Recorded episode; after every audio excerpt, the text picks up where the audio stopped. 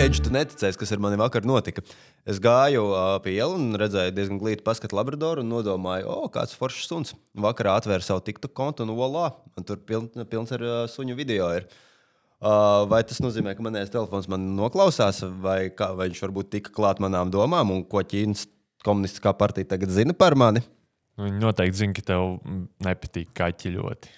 Jā, viņi ir mani mūžsanie ienaidnieki. Bet eh, šodien jautājums ir par to, ko ar šo informāciju var iesākt. Eh, vai viņi rādīs tev pedigriju vai viskas reklāmas, eh, vai, vai nu, kā var apstrādāt to, ko Jānis tikko pateica, un izmantot varbūt viņa labā, varbūt pret viņu. Tāpēc šodien mēs mēģināsim kliedēt, vai varbūt pastiprināt Jāņa paranoju par to, ka telefons viņu noklausās un burtiski lasa viņa domas. Visticamāk, pastiprināt, jā.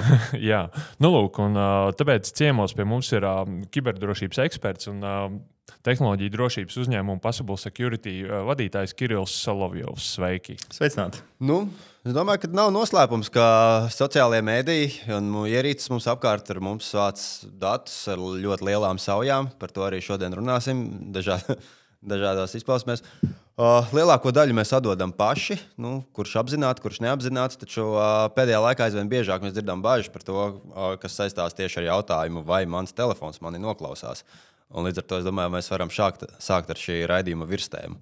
Kā ir? Vai mans telefons mani noklausās? Nu, lai mēs runātu par, par noklausīšanos, tādā akadēmiskā izpratnē, ir jāsaprot, kas ir tā komunikācija ķēde. Ja tipiski mēs varam pieņemt, ka, piemēram, ja cilvēks runā pa telefonu, viņš atrodas savā dzīvoklī Tātad, nu, kāds viņu varētu dzīvoklī potenciāli noklausīties to, kas tur notiek. Ja? Tad tas signāls tiek kaut kādā veidā, varbūt šifrēts, varbūt netiek šifrēts, pārsūtīts, izmantojot, teiksim, vai nu Wi-Fi vai um, mobilos sakarus tālāk uz sakaru torni. Ja? Tad ir mobilais operators arī tur. Katrs šis solis ir potenciālā vieta noklausīties. Tā, tā nav tāda jā vai nē. Viena atbilde. Ja? Pēc tam, pēc mobila operatora, viņš tālāk tiek aizsūtīts uz saņēmēju operatoru, un tur simetriski tieši tas pats notiek otrā galā, kur atkal kāds cits cilvēks ar savu mobilo telefonu savā dzīvoklī šo ziņu saņem. Un atsūta atpakaļ. Ja? Nu, tā ir tāda telefona saruna. Un katrā šajā posmā mēs varam uzdot jautājumu, vai mani noklausās, vai ir iespējams dzirdēt, ko es daru savā dzīvoklī, kad es nerunāju pa telefonu. Vai, kad es runāju pa telefonu, ir iespējams, ka mans kaimiņš, kurš ir labākais hackers pasaulē, varētu uzzināt, kas ir tas, kādu informāciju pārsūta, ko es runāju. Vai mobilais operators vai valsts drošības dienests varētu uzzināt, uh, par ko es runāju. Vai to var izdarīt naidīgie, naidīgo valsts drošības dienesti un tā tālāk. Um, principā atbilde vienkārša. Viena vārda atbild uz visiem, uz katram šim jautājumam ir jā. Taču uh, daļa no šiem vektoriem, daļa no šīm situācijām izmaksā stipri dārgāk, lai viņā noklausītos. Līdz ar to lielākā daļa cilvēku var nesatraukties par to, ka uh, lielākā daļā šo situāciju viņas noklausās. O, jā, kas tā. ir tā mazākā daļa, par kuru mēs runājam? Valsts prezidents un drošības dienas vadītāji. Um, jā, jā pie manis, pie manis mēdz, mēdz vērsties teiksim, saimnes deputāti un, un, un, un citi pietiekami prominenti cilvēki individuālā kārtā ar pamatotu satraukumu par to, ka viņus, viņus varētu noklausīties vai teiksim, ka viņu ierīce ir kompromitēta. Es viņiem, viņiem, protams, sniedzu konsultācijas par to, ko vajadzētu darīt, lai, lai mazinātu šos riskus stāstīt smieklīgas lietas. Jā, nu, šajā gadījumā tā nu, pamatdoma ir tiešām tāda parasto cilvēku, kurš bažīs, ka viņa telefons visu laiku ir 24,7 mikrofona režīmā, un šis audio runa tiek apstrādāta teksta veidā, salikt kaut kādi tagi. Nu, piemēram, gāju ar čomu pasēdēt krogā. Viņš man stāstīja par savu plānoto ceļojumu. Hops man pēkšņi ir uh, reklāmas ar avio biļetēm uz, uz, uz tieši šo pašu galamērķi. Un, bet es taču pats neesmu meklējis. Ne? Un, un, acīm redzot, tas telefons mūs klausījās. Uh, kā jūs varētu redzēt šo notikumu ķēdi? Uh, kāpēc pēkšņi man, kurš nekad nav interesējies par ceļojumu uz Baliju, rāda reklāmas uz Baliju, ja es vienkārši par to parunāju ar Čomu? Pats neesmu nekad meklējis. Jā, jā. Um, īstenībā Dažus gadus atpakaļ es vēl staigāju ar diviem telefoniem. Ja vēsturiski man bija tāda vecā Nokia, ja, 3330, nevis jaunā versija, bet tā, kas bija 20, 25 gadus vecs modelis. Uh, un, Nu jā, pirms vairāk kā desmit gadiem, principā, kad iznāca viens no pirmajiem iPhone, otrais iPhone, laikam, uh, toreiz ja, 3G, mm, tad uh, darba devējs, pie kā es toreiz strādāju, uzstāja, ka man viņš jālieto, jo kolēģi viņu lieto, un man ir jāpalīdz viņiem, ja būs kādas problēmas. Tad es staigāju ar diviem telefoniem ar domu, ka um, mūsdienīgam telefonam, arī mūsdienās, teiksim, iPhone vai Android telefonam, ir risks, ka uz viņa būs kāda ļauna, ļaunprātīga aplikācija, kas noklausīsies to, kas notiek apkārt telpā. Um, bet vecajai, vecajai Nokijai, teiksim, vecajiem telefoniem, protams, aplikācijas ir daudz ierobežotākas. Mm, Cilvēks uz ielas pat teikt, vispār neiespējams uzinstalēt, aplikāciju, kas tehniski nav taisnība, bet, bet tā tad ir diezgan ierobežots iespējas uzinstalēt eh, šīs aplikācijas vecajai Nokijai. Un uh, ir samērā ir mazāks, daudz mazāks risks, ka ar šo varēs noklausīties, kas notiek apkārt telpā. Um, taču es nesāju līdzi abus telefonus, tāpēc, ka savukārt sarunas, ko tu veic pa telefonu, vecā Nokia izmanto ļoti vāju šifrēšanu, nu, jau mūsdienās var reālajā laikā jebkurš, jebkurš vienkārši noklausoties mobilā tīkla sakarus atšifrēt. Uh, savukārt, uh, nu, mūsdienīgi iPhone, Android, jā, tur ir iespējams izmantot, piemēram, signālu vai citus droši šifrētus rīkus, kurus uh, nu, nav iespējams atšifrēt. Un tam man pagāja kāds laiks, kamēr es sapratu, ka es īstenībā izvēlējos sliktāko no abām, no abām pasaulēm. Jā, jo es staipu līdzi arī to, to, to iPhone, kurš var visu noklausīties, un, un tad runāju par to telefonu, kurš neko iedzīgi nešifrē. Un tad es, tad es to, to, lietu, to lietu izbeidzu. Jā, bet par šo scenāriju, ka mēs draugam kaut ko pasakām.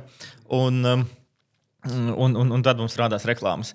Uh, redz, mobilie telefoni.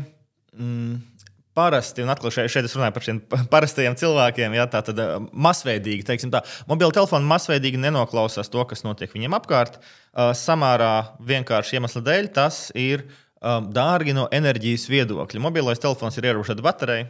Es, piemēram, sapratu, ka es esmu atstājis GPS ieslēgtu uh, pirms, uh, pirms kāda brīža savā telefonā, un man tas telefons uh, beidza, beidza darboties, izlādējās daudz ātrāk nekā parasti. Uh, balss apstrāde un, un, un izpratne par to, kas tur tiek sūtīts īstenībā, kas tur tiek runāts īstenībā, ir vēl dārgāka no enerģijas viedokļa.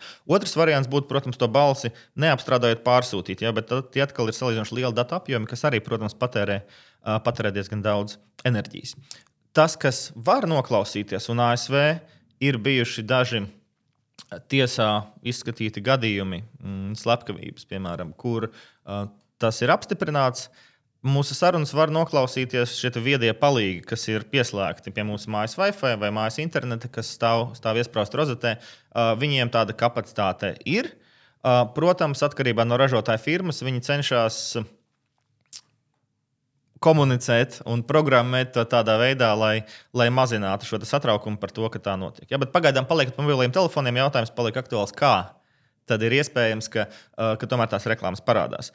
Un, uh, Tas ir no vienas puses vienkārši, no otras puses sarežģīti. Tas, eh, tā, tā, tā tēze, ar ko mēs šodien sākām, principā um, antiprivātuma ekonomika, es viņu tā sauktu, viņiem ir arī citi nosaukumi, ja? um, kur uh, mums ir daudzi uzņēmumi, kas nu jau vairāk kā desmit gadus operē, un viņu pamata biznesa modelis ir balstīts uz uh, individa privātuma sagraušanu. Nevis varbūt ļaunprātīgi, varbūt droši vien nē, bet mēs esam prece mēs uh, izveidojam savu bezmaksas kontu un mēs piekrītam lietošanas noteikumiem, ļaujot uh, attiecīgi šim uzņēmumam vākt datus par mums. Un uzņēmums tālāk, tālāk dara, dara, ko viņi grib.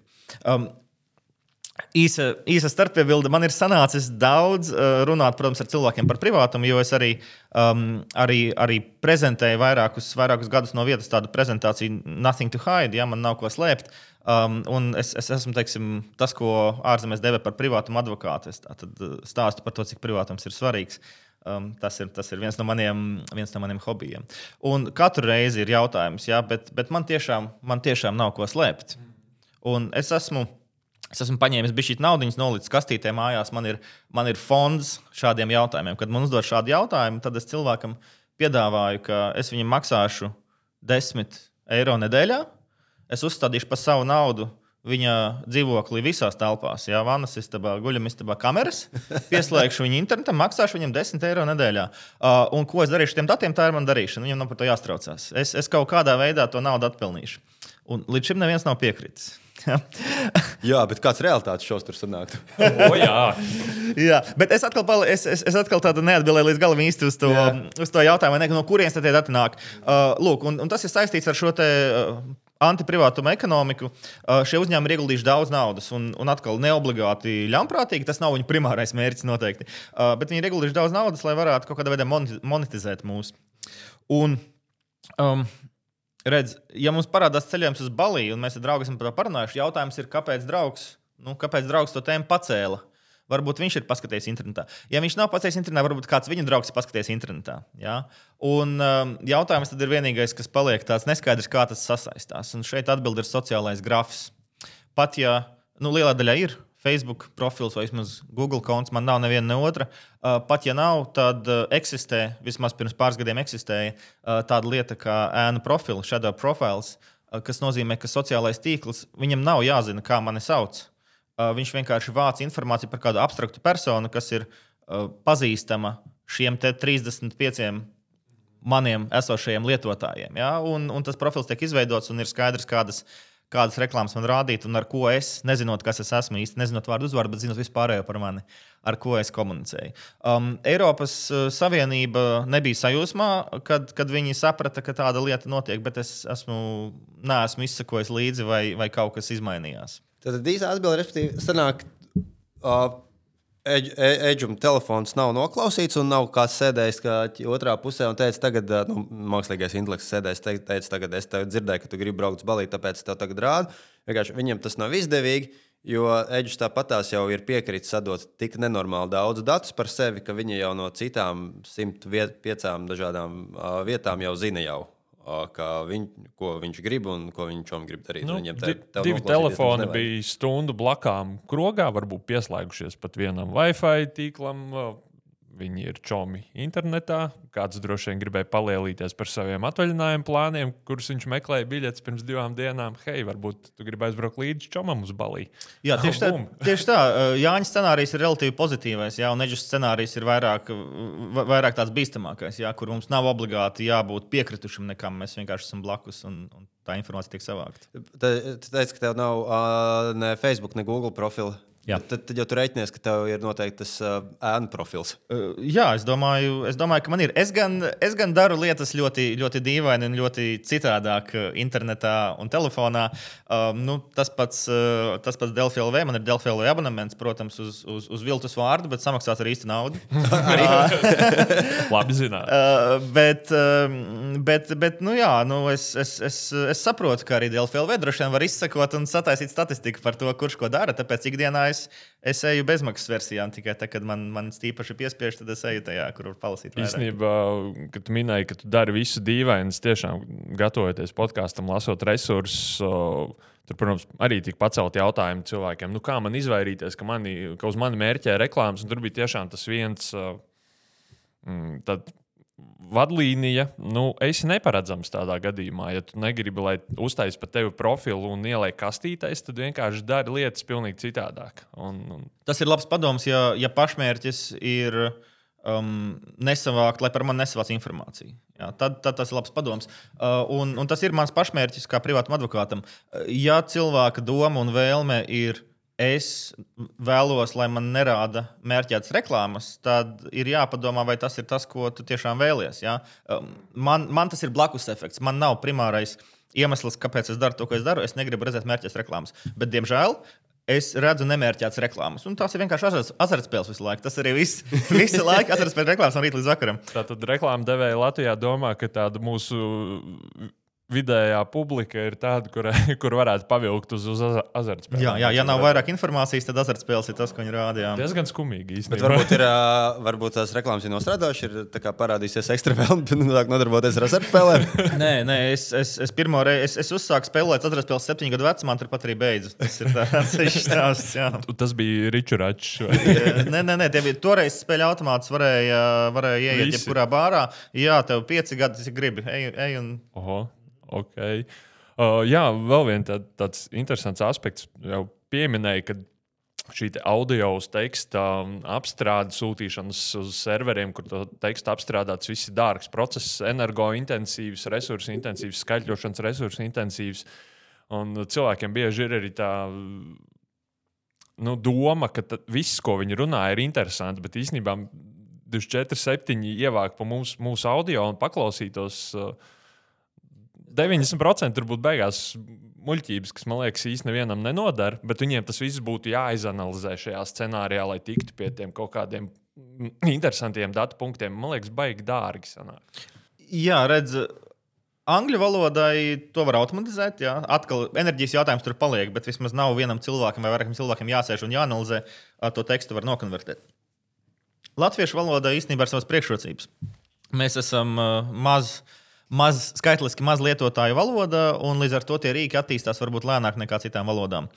Um, tā kā, tā kā jā. Bet uh, nu, ir, ir cilvēki, kuriem darbs ir klausīties citus cilvēkus, 247, ko viņi, ko viņi runā. Nu, es domāju, ka tas ir diezgan, diezgan garlaicīgi. Jā, bet nu, tad atkal cerība ir, ka, ka tie ir tie interesantie uh, cilvēki. Uh, Ņemot vērā, ka es, ka es strādāju, strādāju vismaz 12 stundas katru darba dienu, un lielākā daļa no tā ir sapulces, es pieņemu, ka tas var būt interesantāk nekā, nekā, nekā ar čomiem bārā uh, dzerot kaut ko par, par, par politiku vai hokeju. Un pareizinot šo visu, vēl ir pāris miljardiem vietā runu lietotāju. Ui, tur tie resursi, ja mēs katru jā, telefonu jā. gribētu noklausīties. Ja mēs paturam prātā, ka runa ir par masveidu noklausīšanos, tad tas noteikti, noteikti tādā veidā uh, Uh, nestrādāja. Pašas telefona sarunas.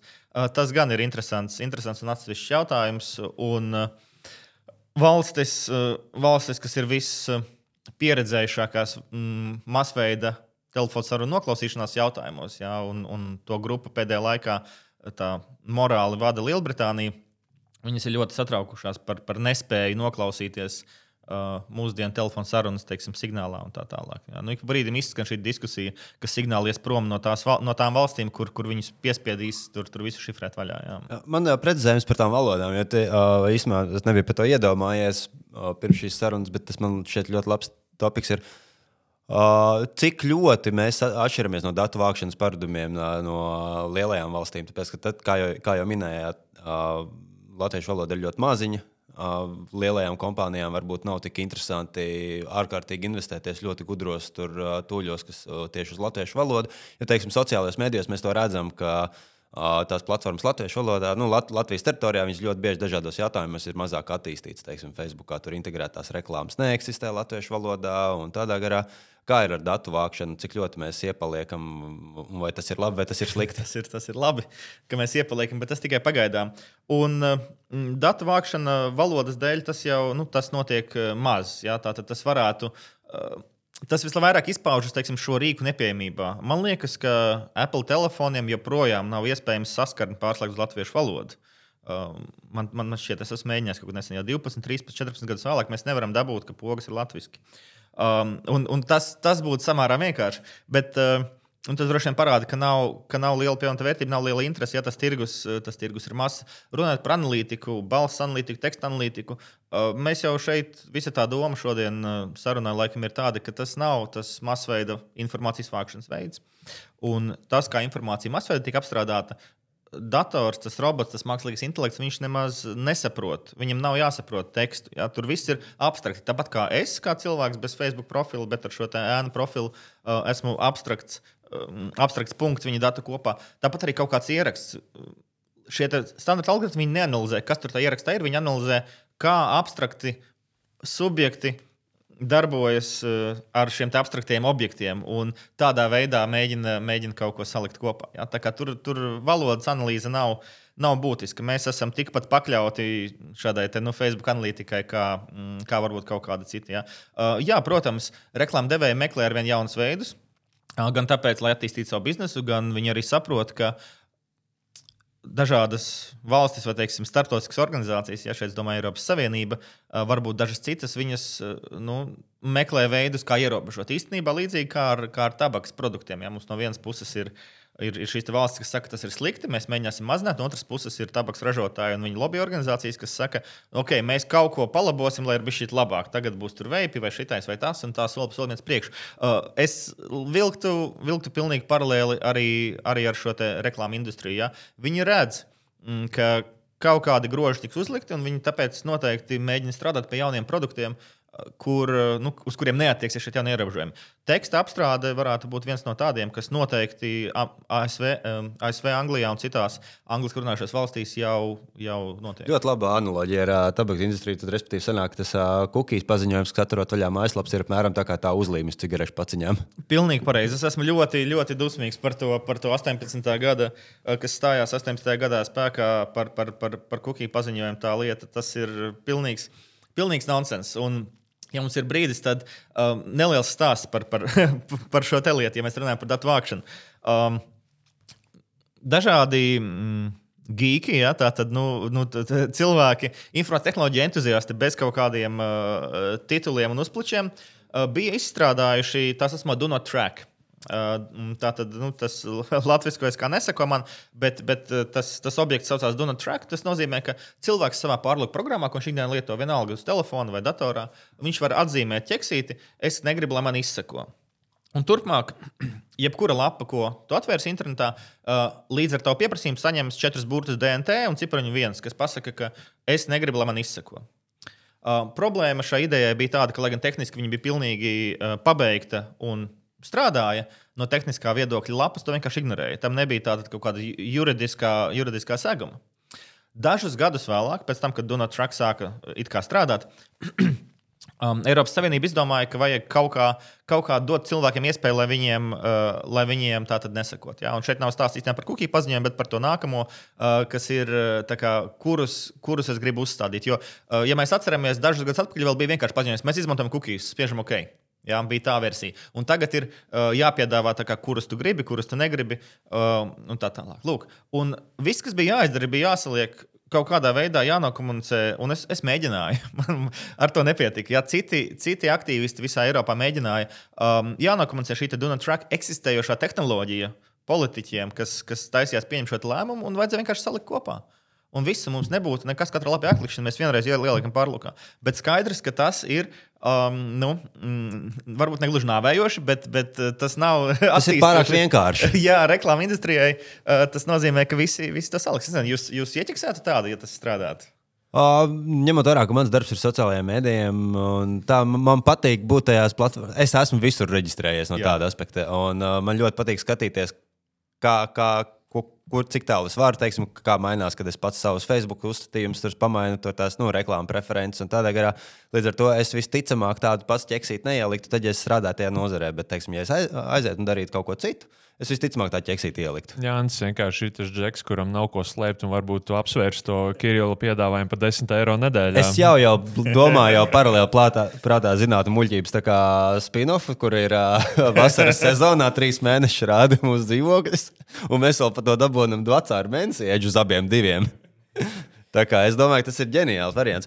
Un par to runājot, teiksim, mēs ar Reģu tagad podkāstu ietvaros tiekam, atklājam valsts noslēpumu, teiksim, ja? un mēs kļūstam ļoti interesanti un svarīgi personāļi.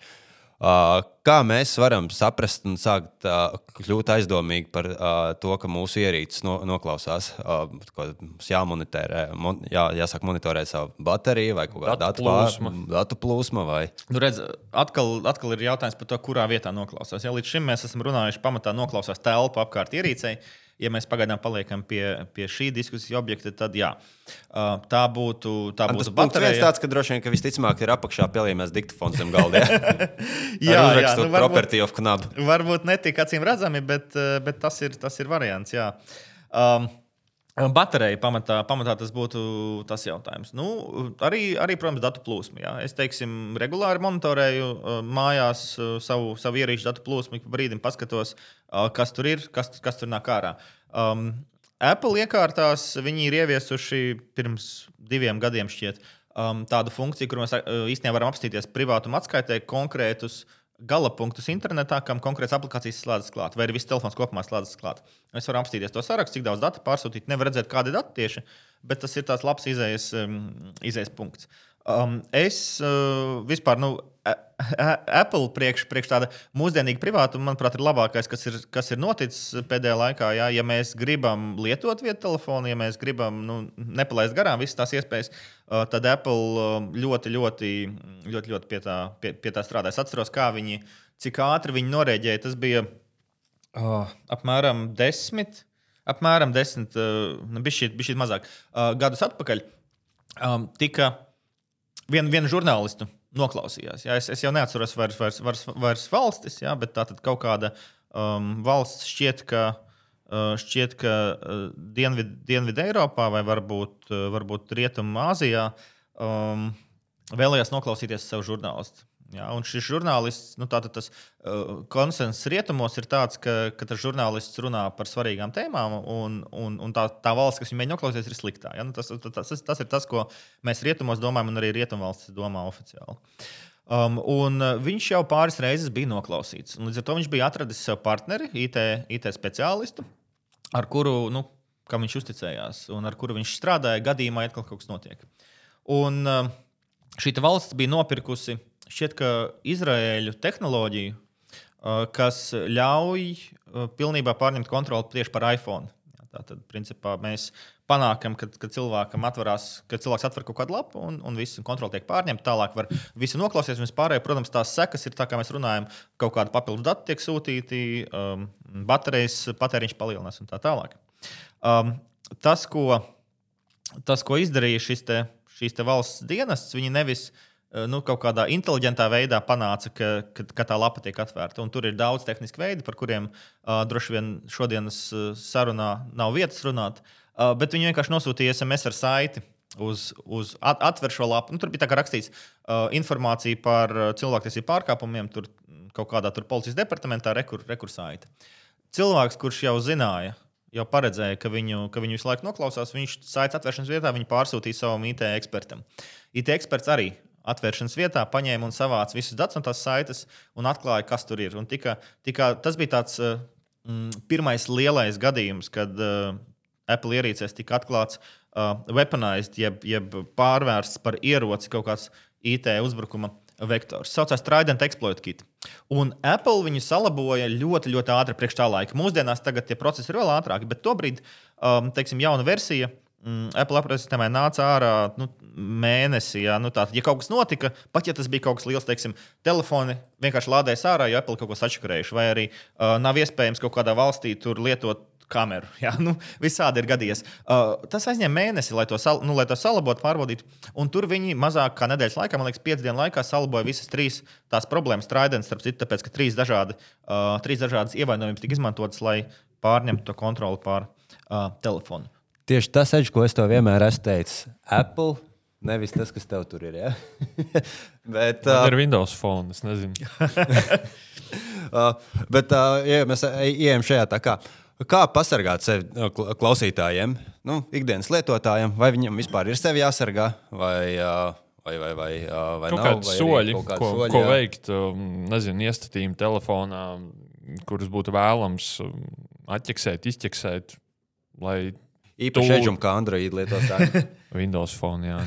nu, um, pirmām kārtām, tā tad, uh, lai gan masveidā noklausīšanās nevar notikt, kā mēs, uh, telpas noklausīšanās masveidā nevar notikt, kā mēs esam um, vienojušies, uh, tomēr ideja par to, ka masveidā ir iespējama noklausīšanās, tā ir interesanta ideja. Tātad, ja mums būtu, nu, ja mēs dzīvotu alternatīvajā realitātē, nezinu, Ziemeļkorejā, kur uh, Um, es nezinu, viņam ir viena telefona. Jā. Es, es esmu skatījies viņu datoru operācijas sistēmu. Tas ir atsevišķs interesants stāsts, bet pēc analoģijas mēs varētu, mēs varētu uzbūvēt viņu vietu telefona operācijas sistēmu. Tas nozīmē, ka, lai gan uh, arī Ziemeļkorejā, es domāju, nav resursi, lai noklausītos visus savus iedzīvotājus, Uh, tā, tā ideālā pasaule no viņa perspektīvas, no viņu valdības perspektīvas, varētu būt, ka jebkuru telefonu, jebkurā brīdī var sākt noklausīties. Ja? Un, uh, nu, tā, tā gan ir realitāte, no kuras mums ir jāpiesargājas, lai, viņa, lai mēs tur nenonākam mm, šeit, uh, rietumvalstīs. Vienlaikus, tātad, ko tas nozīmē? Ir dažādas aplikācijas, kuras uzinstalējot uz telefona, var nonākt šādā, šādā stāvoklī, kur, kur kaut ko pēkšņi var nu, vai nu noklausīties. Noklausīties jau nav vienīgais. Jā, teiksim, tas, nav, tas nav vienīgais, par ko satraukties. Ir, ir arī kameras telefonam, piemēram. Jā, ir dažādi citi uh, sensori, ir bijuši pē, pētījumi, lai gan tikai akadēmiski, par to, ka jau uz viena galda stāv dators un blakus telefons noteiktos apstākļos. Pat tad, ja telefonam ir izslēgtas tiesības uz kameru un mikrofonu, mēs varam izsvecināt, kas tiek rakstīts uz datora klaviatūras. No vibrācijām, kas, kas, kas pa galu tiek pārsūtīts. Uh, tas tikai laboratorijas apstākļos gan ir īstenots. Ja? Uh, Pagaid, nu, cik, cik, cik ir zināms. Bet, uh, bet šādi pētījumi, kuriem notiek, un viņi ir ļoti, ļoti, ļoti, ļoti interesanti. Jā. Es, piemēram, šobrīd, šobrīd strādāju pie, mm, pie viena pētījuma, jauna veida, kā noklausīties telefona sarunas, uh, kā reiz, kas nav saistīts ar kaut kādu šifrēšanas uzlaušanu, jā, bet kas ir saistīts ar numuru viltošanu. Um, kas ir, kas, nu, redzēs, kas tur sanāks. Ja, tas, tas izklausās diezgan interesanti. Um, bet tātad, ko darīt? Ņemot vērā tās, ka tās aplikācijas var visu kaut ko sliktu darīt, nevajag viņiem dot tās tiesības. Um, vēsturiski, uh, vēsturiski Android bija um, pirmais, šķiet, kas, kas ļāva pateikt, mēs ļausim aplikācijai kaut ko darīt vai neļausim darīt. Bet tur bija all or nothing, jā, viss vai nekas pieeja. Uh, mums parādījās saraksts. Šī te, šī te um, šī aplikācija, kas strādā ar jūsu teiksim, nu, kontaktu datubāzi, ir visādas, tur, teiksim, atjaunina dzimšanas dienas. Jā, jūsu kontaktu datubāze viņai vajag pieeja zvanīšanai, viņai vajag pieeja internetam, tur vajag pieeja kamerai, mikrofonam un tā tālāk. Un mēs varējām Androidā pateikt, uh, instalējam vai neinstalējam. Jā. Ja instalējam, tad tās pieejas ir. Um, Apple nāca bija vēlāk ar savu, ar savu šo pieejas kontroli operācijas sistēmas līmenī, uh, bet Apple uzreiz nāca ar ideju, ka mēs varam katru tiesību iedot vai neiedot. Un, um, ar laiku tās tiesības saraksts paplašinājās, un arī Android šobrīd var, var tādu izvēlēties katru tiesību iedot vai, uh, vai neiedot. Tas, kur es gribētu varbūt, redzēt kaut kādu Eiropas Savienības uh, reakciju, ir aplikācijas, kas uh, um, nu, nevēlas, lai tas notiktu. Es par to arī runāju savā jau pieminētajā prezentācijā. Um, ir aplikācijas, kas ir domātas skolēniem, lai, lai, lai kaut ko darītu ar, ar mājas darbiem es, es neesmu viņu pats lietojis, es tikai viņu pētījis no, no drošības un privātuma viedokļa. Un, ja tu neiedod pieeju kontaktiem, viņi saka, ah, lūdzu, lūdzu iedod, citādi mēs nestrādāsim. Ja? Un vai tas tiešām ir vajadzīgs? Es, es, es nezinu, ja? bet nu, tā, ir tā, tā ir tā realitāte. Ja? Tā, tad, principā, mūsdienās instalē, neinstalējam šaubīgas aplikācijas un, un, un paļaujamies uz operētāja sistēmas um, iespējām bloķēt tās pieejas. Tikpat svarīgi ir arī instalēt atjauninājumus operācijas sistēmai, jo, diemžēl, programmētāji mēdz kļūdīties, un tās kļūdas dažreiz ir drošības kļūdas, kas mēdz novest pie tā, ka aplikācija var apiet kaut kādas drošības ierobežojumus. Uh, tas ir no, un, te, teiksim, kaut kādi uh, datu vākšanas iestatījumi, kaut, kā, kaut kas, kaut kas uh, no, uh, kas nav tieši saistīts ar noklausīšanos, bet teiksim, to pašu sociālajos mēdījos datu vākšanu. Vai, ir, vai, vai katram vajag, vai rekomendēji iet Facebook settingos, un katram tagad iztīrīt vēsturi, ko viņš par tevi zina? Es neesmu, zinot Zinot, kā strādā uh, šis silīcija ielējas uh, uzņēmumi, un tas vai drīzāk uzņēmēji, tā, tā, tas, tās smadzenes, kā strādā, es nevaru garantēt, ka tas kaut ko dos. ja, tas ir tāds māņu pogas, ja, ko drīkst paspēdīt, lai tu justos tā, kā tev ir kontrole. Tas ir Vismaz, vismaz, jā, es nevaru piln, pilnībā to teikt. Var jau būt, ne, viņam vajadzētu strādāt, jā, bet ir tik daudz līmeņu, sākot no vadības līdz, uh, līdz tam programmētājiem vai sistēma, uh, sistēmas uzturētājiem, kas tur to visu, to visu sakonfigurē, ka pietiek vienā līmenī nomainīt to.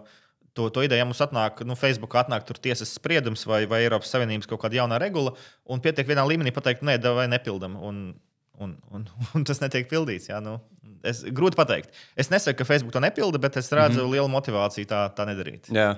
Uh, minēju iepriekš par tām uh, kamerām un, uh, un, un, un to, ka jāuzmanās no mājas vietpalīgiem.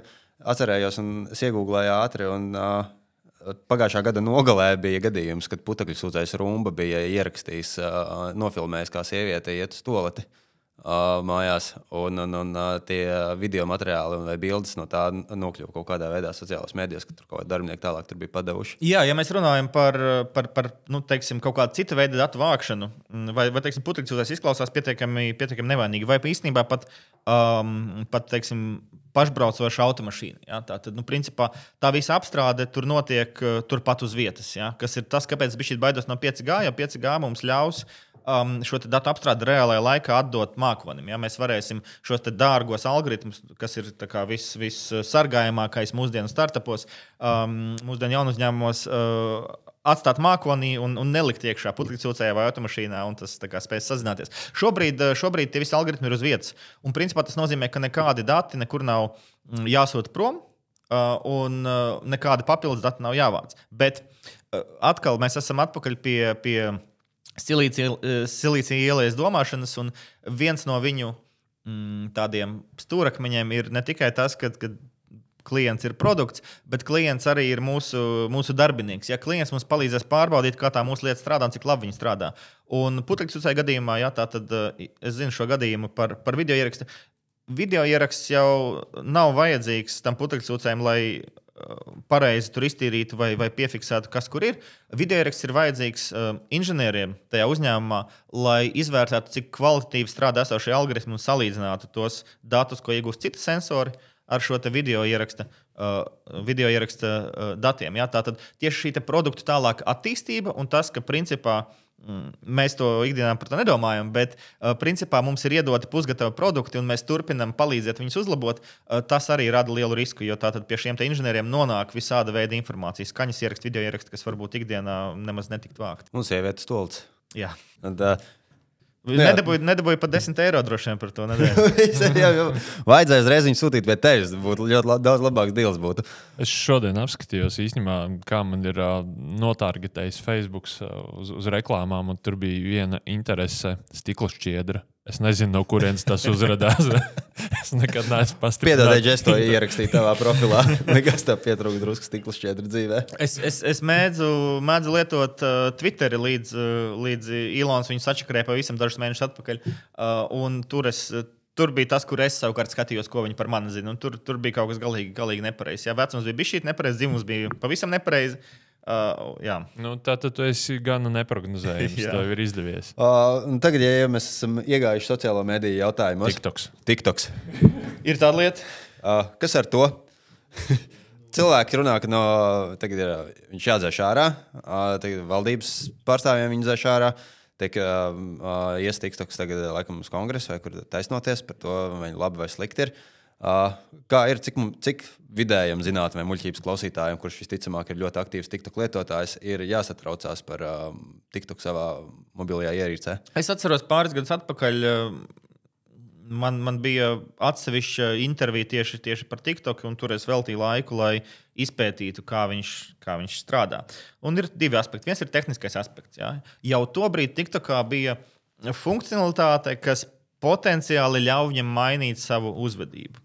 Um, Apple App Store un Google Play Store uh, šie uzturētāji liek diezgan lielu uzsvaru uz to, ka aplikācijām nedrīkstētu mainīt, būtiski mainīties viņu uzvedība bez, bez pārinstalēšanas, neizējot cauri kontrolas procedūrai. Ja, teiksim, ir bijušas, um, nu, um, Apple teiksim, ir, ir, ir, ir slavens ar savu salīdzinoši lielo cenzūru uh, aplikāciju veikalā, un ir aplikācijas, kuras tur vienkārši nevar nopublicēt. Ja. Viena no tādām savulaik bija man liekas, virtuālā privātā tīkla aplikācijas, VPN aplikācijas. Tagad drīkst, kādu laiku atpakaļ nevarēja. Un tad tas, ko hakeri, neatceros, vai tā bija Vācija vai kāda cita valsts, tas, ko viņi izdarīja, viņi publicēja kaut kādu nevainīgu aplikāciju, kas dara kaut ko citu, un tad vienā datumā.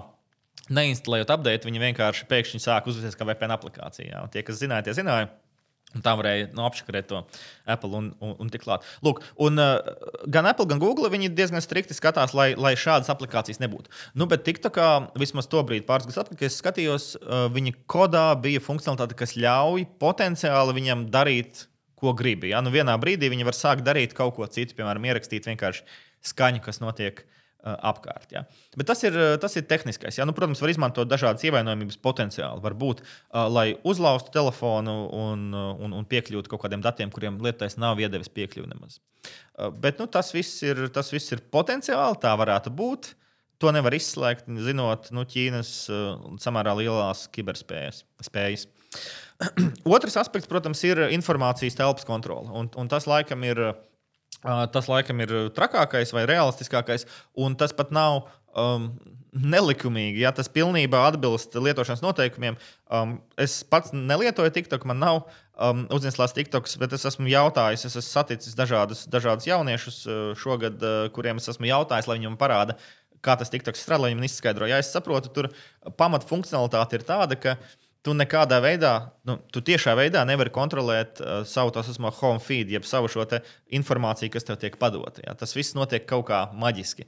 Un lietotājs vienmēr ir priecīgs par to, kas tiek rādīts.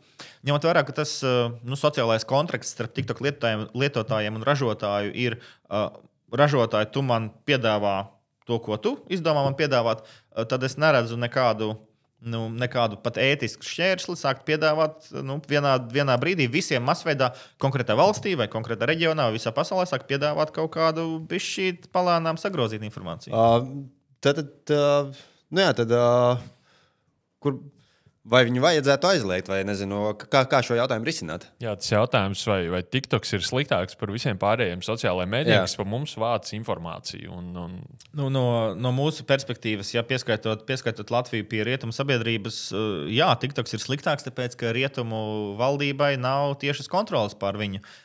Tad, kad parādījās kārtējās runas, tātad šī gada sākumā par TikTok aizliekšanu, eh, tad pat izskanēja mm, dažādu. Dažādu viedu cilvēku rekomendācijas, ka TikTokam ir STG jāpareģistrējas uz ASV, un tad viss būs kārtībā. Un, ja par to padomā šī vairāk par šo piedāvājumu, tad, tad mēs saprotam, ka tā ir tā, tā, ir tā galvenā atšķirība. Ja? Kurš galu galā spēj kontrolēt uh, to pasākumu? Ja? Jo Ķīnā nav noslēpums, ir samērā cieša sadarbība starp Ķīnas tehnoloģiju uzņēmumiem un uh, Ķīnas drošības dienestiem, apusēji izdevīga sadarbība. Uh, un es nedomāju, ka tas ir fundamentāli atšķirīgi arī, arī rietumvalstīs. Ja? Līdz ar to jautājumu tā ir tā atšķirība starp Facebook Jā. un TikTok. Uh, starp citu, jā, par to runājot, TikTok šobrīd izstrādā arī tādu projektu kā projekts Teksasa, kas uh, būtu tā kā TikTok at- atzars, kas būtu pilnībā bāzēts ASV ar uh, ASV īpašniekiem un no viņa puses ar uh, caurzamu. Un tad ASV beidzot varētu izjust, kā tas ir, ka viņiem it kā ir uzņēmums pie viņiem, un tad kaut kāda informācija plūst prom uz, uz trešo valstu, šajā gadījumā Ķīnu, un, un, un mēģina to kontrolēt. Kas ir tas, ko Eiropas Savienība ar Privacy Shield uh, iniciatīvu mēģināja pāris gadus. Jā, uh, jo nu, skaidrs, ka daudz tehnoloģiju, ko mēs izmantojam, uh, tieši teiksim, programmatūras nāk no ASV. Mākoņu pakalpojumi nāk no ASV, un Eiropas Savienībā ir šīs te bubulis, kas saucas GDPR, vispārējā datu aizsardzības regula. Uh, un uh, kaut kādā veidā tas ir, tas ir jāsalāgo. Jā, un tad tika radīts šis privacy shield, kas nosaka, kādā veidā tie dati drīkst nokļūt ASV un ko ar viņiem tālāk tiks, drīkst darīt. Un, protams, izrādījās, ka tas pilnīgi nestrādā. Tā Bija, tas bija otrais mēģinājums to sakārtot. Tagad top trešais. Tad varbūt beidzot sargājot mūs no Ķīnas komunistiskās valdības ietekmes uz mums caur TikTok, mēs beidzot arī sakārtosim pašu savu informācijas telpu. Tā varētu sanākt. Ja? Nu, es, uh, es, es, še, es privātuma ziņā, ziņā neesmu optimists, bet uh, cerēsim. Jā. okay. tagad um, labākā daļa klausītāja jautājuma. Jā, mēs kā vienmēr ā, lūdzam Instagramā cilvēks iesūtīt ā, to, kas viņiem ir ā, sasāpējis. O, Un ā, saņēmām gan labus jautājumus, gan smieklīgus jautājumus. Ā, Tā kā aiziet, jā. Uh, aizlīmēt ierīcēm kameru, laptopam, telefonam. Tā ir paranoja vai pamatot piesardzība. Tā ir pamatota piesardzība. Jā. Jaunākos portīvos datorus, ko es uh, pērku sev un kolēģiem, uh, mēs pērkam ar jau iebūvētu. Iebūvētu kameras aizbīdnīti, jā, tātad, kur viņi var aizbīdīt. Viennozīmīgi. Tā tas skaidrs, ka jūs nepērkat Apple ierīces. Viņam nav, jā? Ne. Jā, jā. Uh, tie ir uh, fiziskie aizbīdņi vai tie switchi saucamie, kas kamera atslēdz. jā fiziski aizbīdīt viennozīmīgi. Jā, Jo jā. tiem switchiem var uzticēties. Nevar vai ne? uzticēties. Apple, runājot par Apple ierīcēm, viņiem mēdz nākt modeļi ar lampiņu blakus kamerai, Jā. portīvai datorā. Un atkal laboratorijā um, tika, tika uz, uzrakstīta programma, kas ļauj šīs divas lietas darbināt atsevišķi kameru un lampu. Cik viegli man būtu pieslēgties pie Edžas Miķelsona kameras? Es nezinu, es nezinu. Kāda Kād, ir kād, no tavām prasmēm? jā, kāda jums ir izglītība? te? uh, nē, ar, ar jūsu prasmēm. Droši vien samērā vienkārši. Gan jau, ka mēs varētu pa pusstundu stundu tikt galā. O, tik vienkārši. Ok, skaidrs. Labi. Ņems vērā. Nākošais jautājums. Es pierakstīšos konsultāciju. Par Jāņa paroli. Jā, ir nākamais. nā- Es pats esmu iesūtījis šo jautājumu. Jā.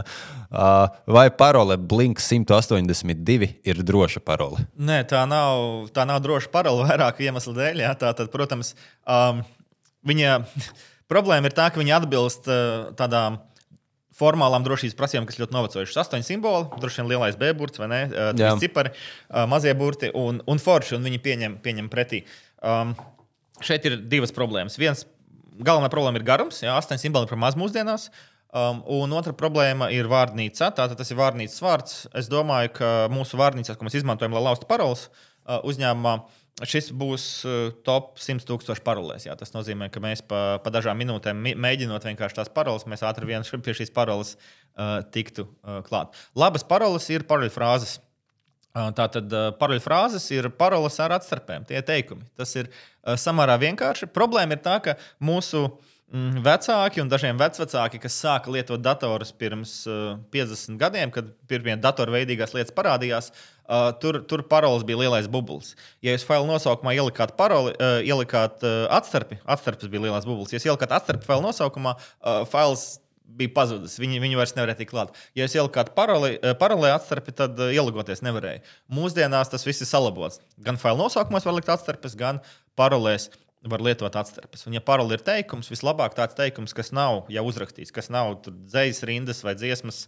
Uh, rindas vai dziesmas nosaukums, vai kaut kas no grāmatas, uh, kaut kas unikāls. Ja? Tad uh, to ir vienkārši atcerēties, un tas ir pietiekami garš un sarežģīts, lai ar esošajām metodēm to būtu grūti uzlauzt. Tātad teikumi kā paroles jātaisa ir. Ja? Jā, pasphrases angļuiski saucas. Kā jums pašam ir parole? Man ir, man ir eh, kaut kā aktīvi, es lietoju kaut kādas 20, 20 paroles. Viņas uh, visas ir aptuveni 30 simbolus garas, katra no viņām. Um, un uh, es pats pieturos daļēji pie šīs. Es vēl pielieku klāt arī tādu nu, patvaļīgas virknītes galā. Jā. Katram gadījumam. Uh, kā var tikt galā ar tik lielu paroļu skaitu? Uh, vai tas ir kaut kāds paroļu pārvaldnieks, kas ir labā praksa, vai fiziski viņas kaut kur stāv, vai kā? Kas, kas ir visdrošāk? Normālā gadījumā tieši tā tas būtu paroļu pārvaldnieks. Ja, ja, ja cilvēkam nav, nav cita hobija un dzīves, tad var paturēt visu prātā, visas, visas uh, 20 paroles. Uh, bet paroļu pārvaldnieks ir um, viennozīmīgi labā praksa. Mums jāatcerās tikai, tikai viena parole. Ja. Vēl, principā, apatūras atslēgas arī ir virziens, kurā mēs ejam. Es domāju, ka masveidā tas varētu uh, sākt strādāt varbūt pēc 10, 15 gadiem, ja, tas būtu tas primārais, uh, primārais mehānisms. Ja. Bet, ja mēs esam tik ļoti pieraduši pie klasiskām fiziskām atslēgām, lai atvērtu savas durvis, savus birojus, tad apatūras atslēgas saviem kontiem arī izklausās ļoti loģiski. Tehnoloģija jau eksistē, vienkārši viņa nav pārāk Bet ir populāra. problēma ar uh, atslēgām. Viņas cilvēki mēdz pazaudēt. Uh, piemēram, Google, Gmail kontam, ja mēs gribam lietot Google Titan atslēgu, vienkārši vienu pašu savam kontam, uh, tad viņa prasība ir tāda, ka jābūt divām atsevišķām atslēgām. Divām dažādām atslēgām, un viena tad ir nu, nosacījums, ka tu noliec kaut kādā drošā, drošā vietā, kaut kādā seifā. Jā, tas ir, tas ir problemātiski. Bet šeit ir jāizšķir uh, konti, kas ir atjaunojami, un konti, kuru piekļuve nav atjaunojama. Ja? Teiksim, korporatīvie konti tipiski ir atjaunojami, tad mēs varam aiziet pie IT speciālista darbā un pateikt, uh, mums, mēs neteikam, iekšā lūdzu atjaunot. Nu, ar privātajiem kontiem un, un šiem lielajiem milžiem ir, ir sarežģītāk. Uh, cik ir paši paroļu pārvaldnieki droši, jo nu, tur glabājas visas tās paroles, ja uzlauž pašu to programmatūru, kas nodrošina paroļu menedžmentu. Mēs tad saviem klientiem vēsturiski esam vienmēr teikuši, ka offline paralēli menedžeri ir, ir labāki. Tātad tie paralēli menedžeri, kas stāv tikai uz vienas iekārtas un viņi nav mākonī. Um, klienti to mēdza, mēdza klausīt, bet ar gadiem ejot, arvien mazāk klienti kaut ko tādu izvēlējās. Tagad, kad uh, pagājušā gada beigās un arī šī 2023. gada sākumā LastPass, um, kas ir viens no populārākajiem online paralēli pārvaldniekiem, nāca klajā ar, ar, ar dažādiem paziņojumiem par, par dažādiem riskiem, kas ar viņiem kas ir iestājušies. Um, mēs, protams, informējām visus, visus klientus, kas uz šo pakalpojumu parakstās par, par, par, par šādām problēmām, un ar dažiem no viņiem mums bija sarunas par to, ko darīt tālāk. Lai gan mēs atkal pilnīgi visās šajās sarunās teicām, mēs jums palīdzēsim sa salikt offline paralēli menedžeri. Tādā veidā, ka jūs varat to korporatīvo vidē ērti lietot. Mm, Pilnīgi visi klienti, kas veic kaut kādas izmaiņas, viņi izvēlējās citu online paralēļu menedžeri. Uh, nu, šis cilvēkiem patīk, ka tā kā darba datorā, privātajā datorā, telefonā, ka viss tas tur ir pieejams. Tas risks, protams, ir tāds, ka, ja tas stāv kaut kur mākonī, uz kāda cita cilvēka datora, principā, jo tas ir tas, kas mākslinieks ir, uh, tad uh, nu, tur to var apskatīties. Jā. Skaidrs, ka paralēli pārvaldnieki veids kvalitīvu šifrēšanu, viņiem būtu jāveic kvalitīva šifrēšana, lai tās paroles tur nav tā vienkārši pieejamas. Bet, nu, kā rāda LastPass uh, gadījums, tad, uh, tad, tad ar to mēdz arī uh, nepietikt. Interesants fakts par LastPass. Uh, te, uh, viena, viena no problēmām, kas parādījās pēdējā laikā, ir tā, ka uh, viņi, lai taupītu resursus, šifrēja tikai paroles. Bet uh, cilvēki, kas izmanto paroli pārvaldnieks, viņi mēdz veikt kaut kādas piezīmes uh, lietotāju vārdu laukā, komentāru laukā, un tur arī var parādīties kaut kādas sensitīvas lietas. Šis uh, man vislabāk patika no klausītāju jautājumiem. Uh, kāpēc man nezvanīja telefona krāpnieki? Cilvēks interesējas. Es nezinu, man Viņam pietrūkst. Ah, es zinu, kāpēc man nezvanīja. Man nav vienkārši zvans, es atslēdzu. viņu. Jā, mēs mēģinājām arī to sazvanīt pirms podkāstu. Un uh, nebija iespējams. Jā, nu varbūt, varbūt jāpārbauda, vai es nāstu palūdzu operatoram atslēgt ienākušos zvanus. Jā, tad tas ir padoms klausītājiem. jā. Uh, Šo jau mēs aizskārām, vai taisnība, ka te, vairāki telefoni esot viens otram blakus apmainās ar info. Netiešā veidā. Netiešā veidā, jā. Ne tiešā, bet jā, pieslēgšanās, pieslēgšanās vienam un pašam bezvadu tīklam, lokācija, tas, tas tiek izmantots pēc tam jau uz pakalpojumu sniedzēju serveriem, lai sasaistītu. Jā. Tā patiešo neapmainās. Ne. Jā. Es pat biju nesen arī kaut kur lasījis, ka pat ja tu izņēmis ārā lokāciju, var pēc, piemēram, tā, kad ir nu, šie akcelerometri vienādi kustās, pateikt, cilvēks sēž vienā autobusā ar otru cilvēku. Tāpēc, ka bedrītes vienās vietās ir un nu, tās kustības perfekti sakrīt. Principā. Es neesmu redzējis šo pētījumu, bet izklausās ļoti, ļoti ticami. Jā. Tā varētu būt. Tā viennozīmīgi, mm. viennozīmīgi tā varētu būt. Jā. Un pat ja lokācija ir izslēgta, tad. Um, gadus 15 atpakaļ, kad es, kad es vēl tikko, tikko biju pabeidzis beidzis, studēt, šķiet, um, mums bija mums ļoti interesēja mani un, un kursabiedri interesēja jautājums par bezvadu tīklu uh, kartēšanu. Kā mēs varētu kā, savākt visas pasaules, vai vismaz visas Rīgas bezvadu tīklus, lai izmantotu to uh, lokāciju noteikšanai. Ja, mūsdienās tas ir atrisināts. Google ir sava datubāze, Apple ir sava datubāze un atvērtā datubāze Vigl.net arī eksistē. Uh, un tad mums pietiek ar bezvadu tīklu nosaukumiem telefonā, ja tos var savākt, un TikToks, man liekas, to dara, vai vismaz darīja, tad lokācija ir pilnīgi viennozīmīgi skaidra. Skaidrs. Aiziet par putekļu sūcēju. Šis uz tevi, Jānis. Uh, jautājums, ja arī kādam interesē, uh, vai kādam noderēs mani putekļu sūcēju dati? Teiksim, par dzīvojamā platību, varbūt kādam uzņēmumam, kāpēc šie dati ir vajadzīgi un ko ar tiem var iesākt. Jā, viņas noteikti var monetizēt. Jā, un vēlreiz, tie monetizācijas algoritmi nestrādā, viņi nestrādā ar konkrētiem datiem, viņi strādā abstraktās tādās kategorijās. Un, un, un, un jā, ceļa, ceļa garums kaut kāda tur x reizes x metri, istabas skaits viennozīmīgi nu, to var izmantot, lai, lai kaut kādā veidā targetētu, jā, virzītu reklāmas konkrētam cilvēkam. Uh, bet es vairāk satrauktos droši vien, kā jau es minēju, par tiem testa datiem, kas tiek vākti. Jā, kaut kādas papildus video kameras, papildus uh, mikrofoni, kas tiek, um, kas tiek izmantoti. Droši vien, es neesmu nevienu izjaucis, jā, bet droši vien uh, putekļsūcēji izmanto um, ultraskaņas sensors, jā, lai, lai, lai saprastu attālumu līdz, līdz virsmām. Jā. Ja kāda firma izdomā ierakstīt uh, tos dzīvos datus, kas tur nāk iekšā, potenciāli kaut kādas frekvenču harmonikas no tā, kas tiek varbūt runāts telpā, vai varbūt vai kaimiņi tur urbi kaut kādas sienas tajā brīdī.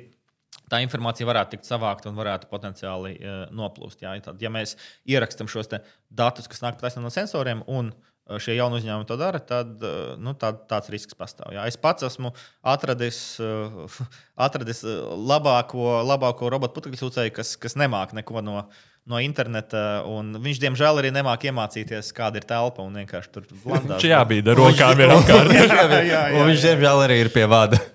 jā, jā. Un jāalgo cilvēks, kas nāk no viņa darba. Nākošo jautājumu pavaicās Edžus. Okay. Um, kā var izdarīt tā, lai tu redzētu savā telefonā, ar kādiem džekiem sarakstās tavu draugu? Vai cik sarežģīti? Kā var izdarīt? Nu, var draudzenei piedāvāt, izveidot kopīgu WhatsApp grupu, un tad, uh, lai viņi to čekus liek. Slepeni. Atslēgas vārds slepeni. Slepeni sarakstās vai slepeni? Nē, uzzināt? slepeni uzzināt, ar, kā, ar kādiem džekiem viņi sarakstās. Šo jautājumu noteikti neuzdev Veģis pats. pavisam, pavisam noteikti. Nē. Uh, vai? Nē, nu es nezinu, vai tas ir, vai tas ir veselīgi. Droši vien jāiet pie, pie kaut kāda attiecību terapeita un jārisina tas tādā veidā. Kurš jā. vēlams ir arī IT speciālists. Labi, mums bija arī nevis jautājums, bet komentārs iesūtīts. Uh, uh, sakot, ka mēs runāsim par to jautājumu, vai telefons tā noklausās. Tad uh, uh, ienāca komentārs, ka nu, sen jau nav jautājums, vai noklausās, bet gan kā noklausās.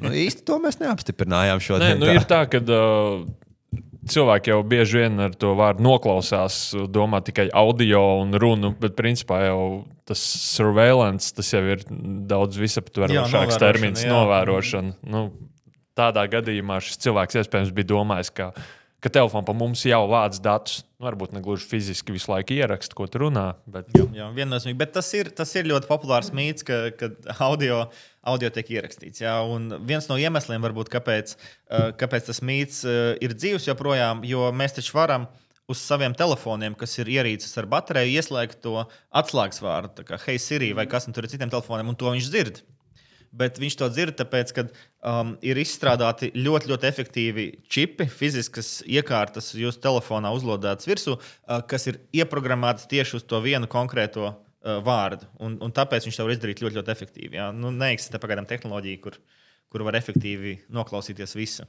Bet uh, šis īstenībā ir. Uh, Šī īstenībā ir liela, liela problēma. Ja, tātad, ja telefons padomā, ka jūs esat, ja viņš, ja viņš izklausās, ka jūs esat to atslēgvārdu pateikuši, pat ja jūs neesat viņu pateikuši, tad tālākais var tikt ierakstīts un pārraidīts telefona ražotājiem. Es īstenībā dzirdēju tādu interesantu teoriju par šo. Uh, šķiet, tas bija par Aleksa, ka seriālos ir uh, iekļāvuši, uh, iekļauts frāzes Hei, Aleksa, Un tad tu vari saprast, kur cilvēki klausās, skatās to seriālu. Principā ja viņš kādu brīdi ir ierakstījis, un tad dzird, ok, šī ir frāze no tā un tā seriāla. Principā vārds datus par tādu auditoriju.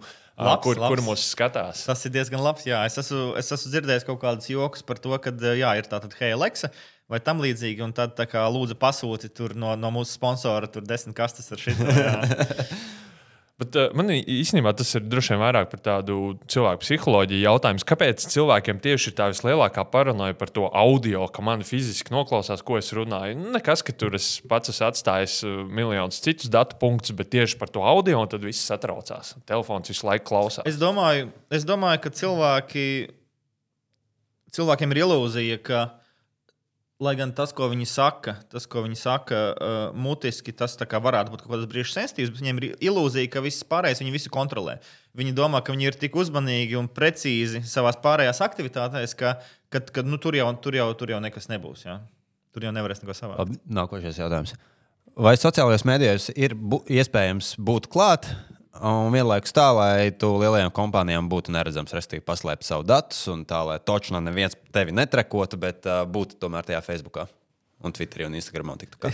Jā, atbildi ir Mastodons šobrīd. Jā, tā, tā brīdī, kad, kad Ilons Masks man sačakarēja Twitter pavisam, es, es aktīvi sāku lietot Mastodon tīklu. Es viņu lietoju jau, jau ceturto gadu, bet es tagad aktīvi viņu sāku lietot. Jā. Tas ir decentralizēts sociālais tīkls, ko uztur pamatā brīvprātīgie. Uh, un, kas nenodarbojas ar, ar, ar datu vākšanu. Tur arī tagad, Latvijas Mastodonā, Latvijas Mastodonā tīklā patīkamā lieta ir tā, ka tur ir, uh, tur ir maz hateru un tur pamatā ir pozitīvi cilvēki, kas ir aizmukuši lielu daļu no Twitter. Uh, Un tur var, tur var izbaudīt vēlreiz to pašu, kas bija vairāk kā desmit gadus atpakaļ Twitterī. Tagad, tagad var izbaudīt uh, tur. Nu, tas droši vien ir tāds. Tur ne tikai maz hateru, bet vienkārši maz cilvēku. jā, jā, tur arī tas. Jā.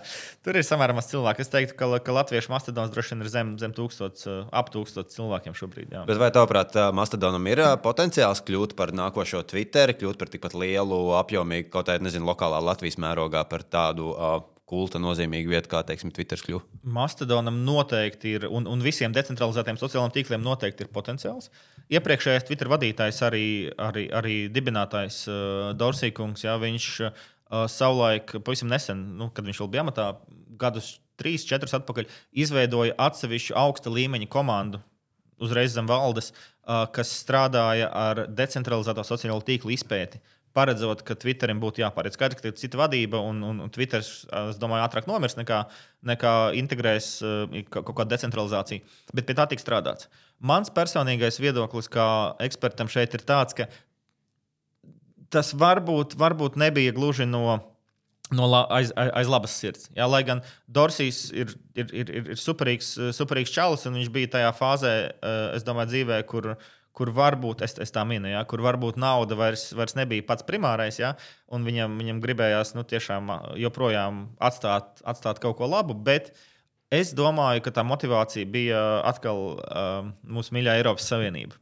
Um, es ceru, ka sociālo tīklu centralizācija tiks, tiks regulēta. Jā, jo tas ir, ir lielākie monopoli mūsdienās. Es nerunāju pat par teiksim, uzņēmējdarbības pusi, bet Bet, ja mēs paņemam visu, visu dzīvi kopumā, ja, tad tas, ka mums ir um, tīkls, kas spēj kontrolēt, kas tur tiek rakstīts, spēj identificēt lietotājus un uh, spēj piedāvāt saturu un reklāmas, uh, tas, ka tas viss vienvietā, tas ir nepareizi. Un decentralizācija, piespiedu decentralizācija, manuprāt, ir atbilde. Es domāju, ka mēs to redzēsim.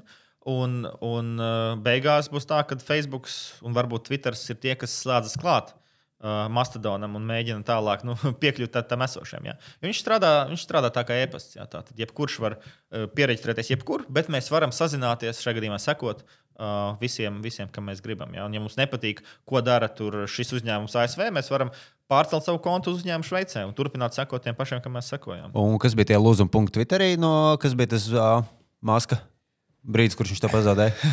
nu, uh, Pats pēdējais priekš manis bija, kad mobila aplikācija beidz strādāt. Ja, tātad es vēl pagājušā gada beigās klausījos, kā, viņš, eh, kā cilvēks satraucas, ka Twitter aplikācija, vai drīzāk Twitter tagad grib izsekot, kur ir lietotāji. Ja, bija dažādas noplūdes no, no, no Twitter aizgājējiem par to, ar kādu uzstādījumu vai kādiem uzstādījumiem nāk maskas un ko viņš tur vēlas. Un viens no tiem bija, es gribu zināt, kur lietotāji ir at all times vienmēr. Um, un es pasmējos pie sevis, kā, bet lielākā daļa cilvēku, kas, kas, kam rūp privātums kaut nedaudz, neviens no viņiem nelieto oficiālu aplikāciju. Nu, kā, kā tas strādās? Kā tu varēsi uzzināt, ja man pat nav Twitter uzzīmēts telefonā? Nu, jā, un tad izrādījās, ka pēkšņi tikai oficiāla aplikācija strādā. Un tas bija tas, jā, es, es, es tā arī neesmu neko tvītojis kopš, kopš tās dienas, kad nebrīdinot, starp citu, pēkšņi tā viss aplikācijas beidz strādāt. Un uh, noslēdzot podkāstu, uh, pēdējais jautājums arī uh, skatītājiem, kam mēs jau atbildējām, jau dzirdējām jau podkāstu laikā, gan uh, kāda ir uh, tā drošības paradumi. Mēs jau dzirdējām par 20 plus parolēm, par atslēgtiem ienākošiem zvaniem, nebūšanu uh, Facebook, Twitterī un visur citur. Uh, varbūt ir vēl kaut kas, kas ir īpašs. Es domāju, kas no maniem drošības paradumiem ir noderīgākais. Jā, nu, um, nu, droši vien. Uh, Hm.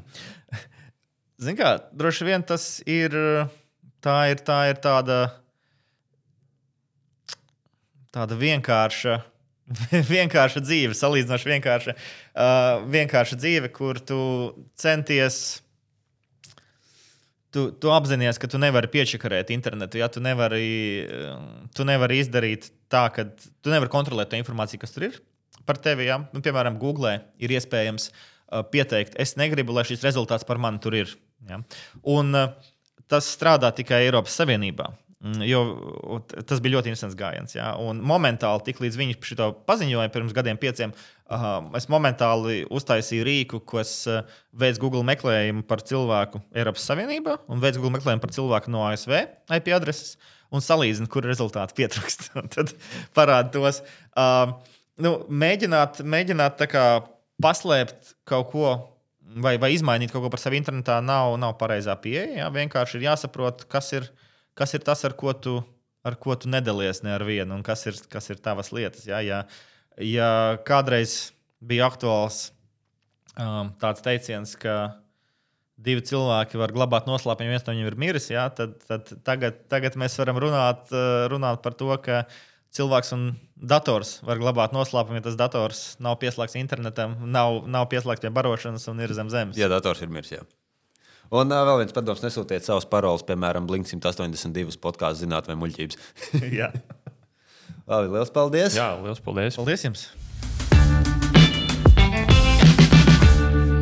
Podkāsts Zinātnē, muļķības ir tapis ar Mēdīju atbalsta fonda līdzfinansējumu.